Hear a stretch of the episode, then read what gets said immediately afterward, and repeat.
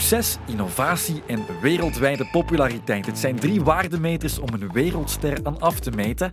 Maar hoe gaat een voetballer van een sterrenstatus naar een icoonstatus? En kan dat hoegenaamd nog? Hallo, welkom opnieuw bij Sportstad Daily. Het was minder fijn nieuws, het heengaan van een Duits voetbalmonument. Frans Beckenbauer, 78 werd hij, de beste voetballer uit de Duitse geschiedenis en als baanbrekende verdediger wereldwijd erkend als een voetbalicoon. En gedaan, Duitsland wereldkampioen uit de handen van de nieuwe president van Duitsland, Walter Scheel, krijgt aanvoerder Frans Beckenbauer die beker in eigen stad. Beckenbauer won de wereldbeker als speler en als coach. Die unieke dubbel toegevoegd aan zijn superieure kwaliteiten als eerste voetballende verdediger, een totale voetballer, maken hem één van de vier voetbaliconen. Beckenbauer, Pele, Maradona en Johan Cruijff.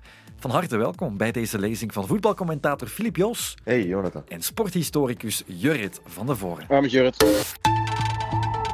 Voilà, ik heb de voetbaliconen geïntroduceerd als een viertal van Pele, Maradona, Cruyff en Beckenbauer. Dat is niet per se helemaal arbitrair, maar het is de voorstelling die we hier maken en eentje waarmee Philippe akkoord gaat. Uh, ja, voor mij ook. Die Stefano hoort daar misschien ook wel nog bij. Puskas, maar dan hebben we het over mensen die de huidige generatie, waar ik mezelf uh, bij reken, ook eigenlijk niet meer live hebben zien voetbal en waar ook veel minder beeld van was, eigenlijk bijna geen beeld. Um, dus ik kan wel leven met uh, Cruyff, Maradona, Beckenbauer en Pele ja, als, uh, als de vier universele voetbaliconen. Want elk land zal er wel ook nog apart hebben, denk ik. In, in Nederland zullen ze zeggen, ja, Willem van Hanegem. Je, je hebt ook lokale voetbaliconen. Uh, Rick Koppes bij ons, Paul van Imst. Van Imst vraagt de bal. Goed doorgestoten, Paul doet hij het. Ja! Maar dat is toch niet wereldwijd. Dus als je het over uh, de wereld hebt, uh, als voetbalveld, dan, dan zijn het die vier, denk ik. Hè. En Beckenbauer, zijn inclusie, daar pakt Filip ons een beetje op. Niet onterecht, het is een goede bedenking. En denk ik ook dat als je mij die vraag uh, een jaar geleden had gesteld, dat je over een top 3 zou gesproken hebben. En dat je Beckenbauer daar niet bij had vermeld, denk ik. Hè. De, dood doet ook wel iets, denk ik. Uh, om, helpt om, uh, om iconisch te worden. Um, een klein beetje, dat is toch zo de. de, de nee, en dat is niet pun intended, maar dat is de finishing touch. Um, en ja, het feit dat hij verdediger ook is, weet je. Van die andere drie uh, kan je volgens mij, als je die namen noemt, heeft iedereen meteen een fase voor de geest. Kan, kan die zich voor de geest halen. En dat kan je bij Beckenbauer niet. Jij kan, jij kan mij echt niet zeggen, oh ja, dat van Beckenbauer. En misschien mensen, de generatie van mijn ouders misschien wel. Hè. Ik zeg niet dat mijn vader dat niet kan, maar zelfs daar twijfel ik aan. Terwijl je bij, bij Maradona heb je dat, ja, heb je een overload. Bij, bij Pele heb je dat ook. En, en uh, ook bij Cruijff kan je je zo uh, doelpunten voor de geest halen fases.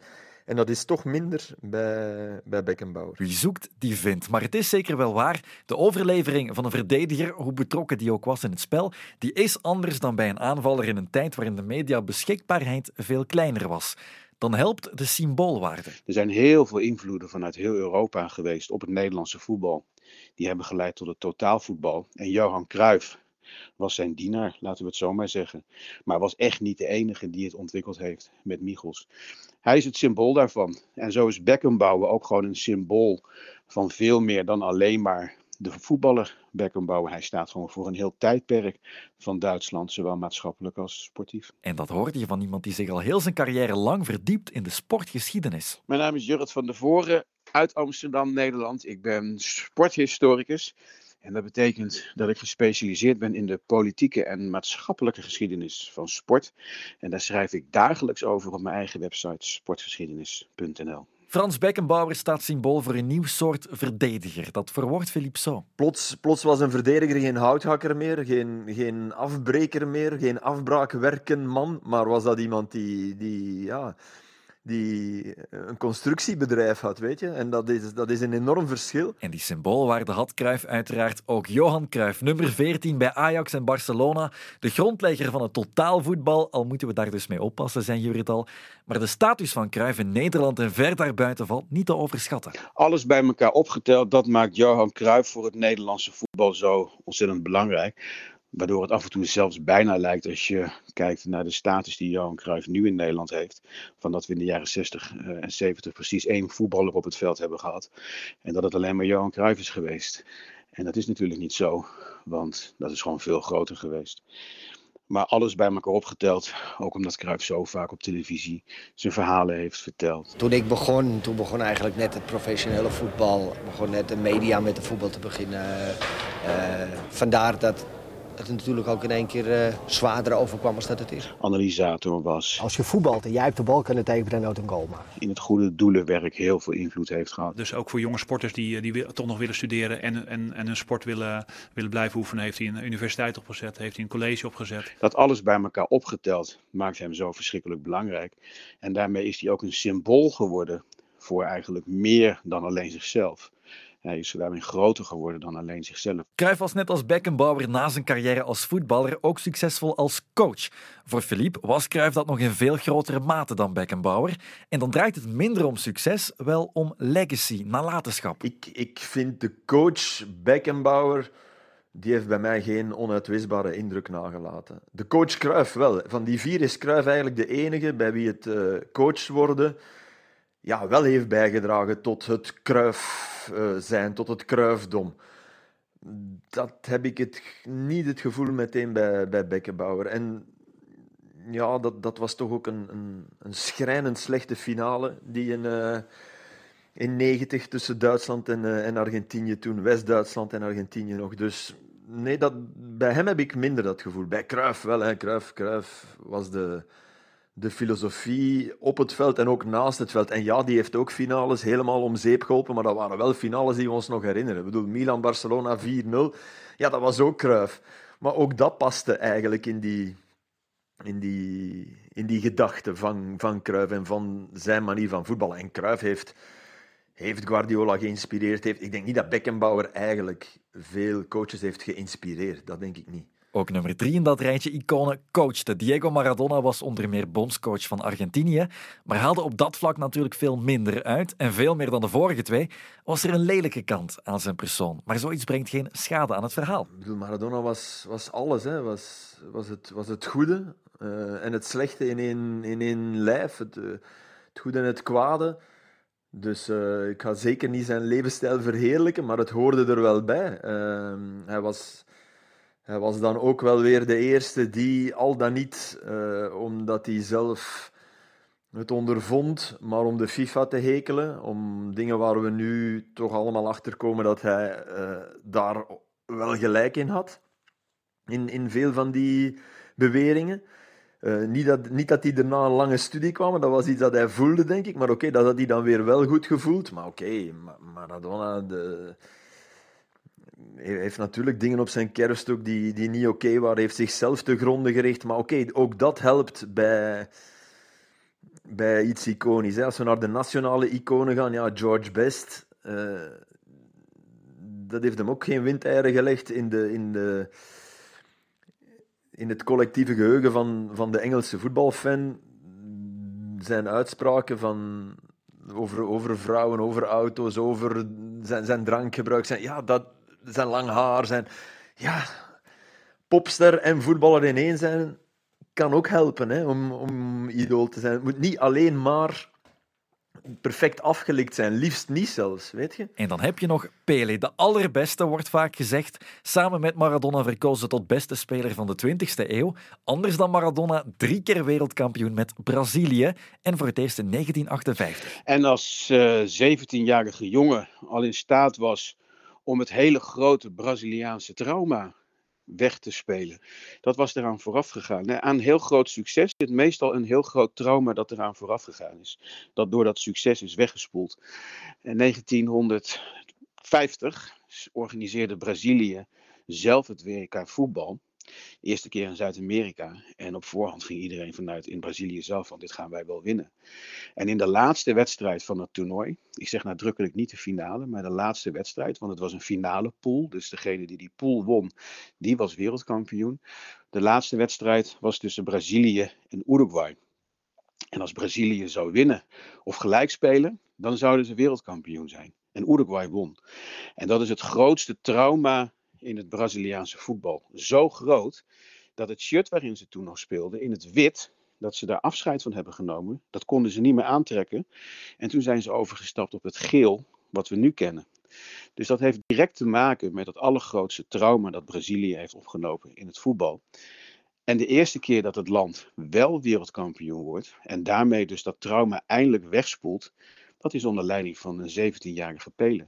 En binnen die context maakt dat dus extra groot van dat hij Brazilië eindelijk naar die wereldtop heeft gebracht. Voilà, en dan heb je het viertal en een deeltje van de uitleg waarom zij het zijn. Er is ruimte voor uitbreiding, er is ruimte voor subjectiviteit. Denk aan bewegingen of technieken die naar voetballers genoemd zijn.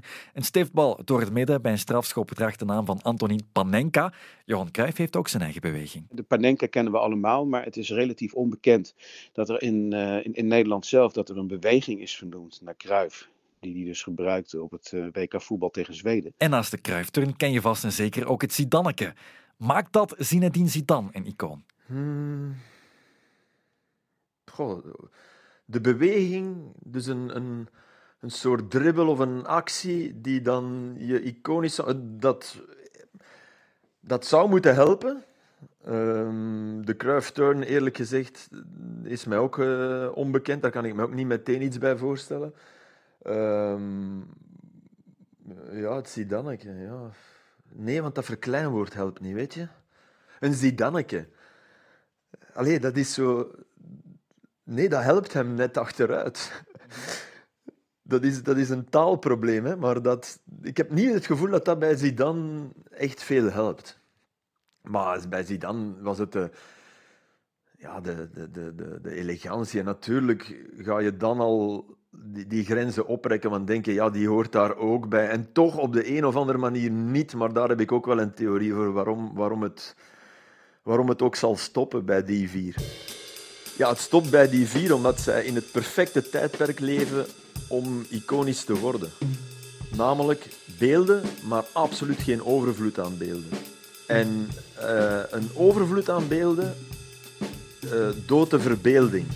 En een icoon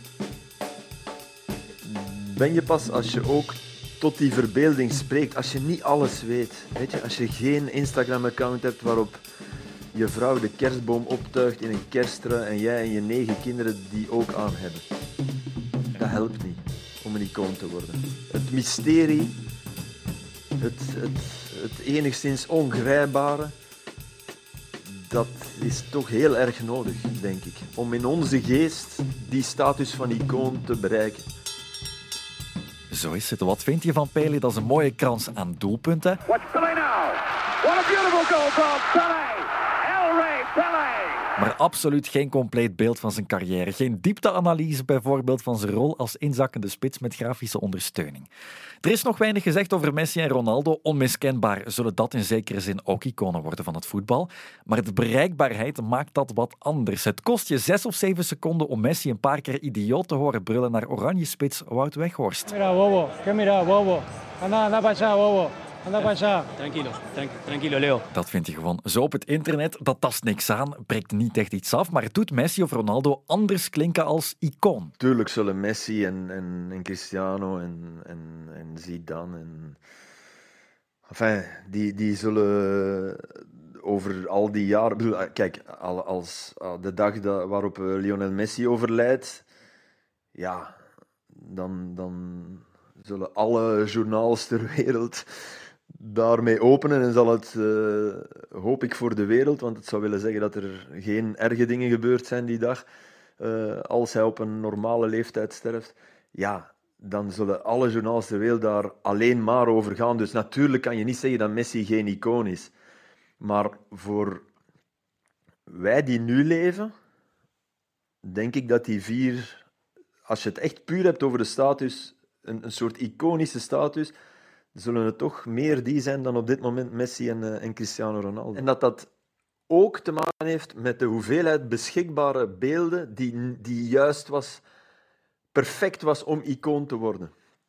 Niet te weinig, zoals bij Di Stefano.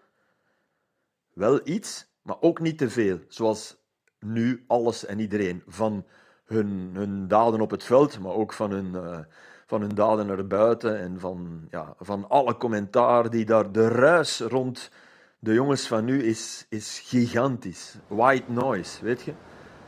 Dat, is, dat, dat stopt niet meer. En dat is eigenlijk niet goed. De white noise van de gebundelde internetwereld. Iedereen is alles, alles is overal. Het was vroeger makkelijker om jezelf te onderscheiden. En het was makkelijker om uniek te zijn, zegt ook Jurrit. Ja, maar uh, aan de ene kant was het misschien makkelijker om, omdat er uh, de verschillen nog groter konden zijn, inderdaad. Aan de andere kant zijn de sporters van nu, met name de topsporters van nu, niet meer afhankelijk van de media alleen om bekend te worden. Uh, waar uh, uh, alle voorgaande voetballers op televisie moesten komen bij grote evenementen om wereldberoemd te worden, waren ze dus afhankelijk van de journalisten of ze dat opnamen en of ze dat uitzonden.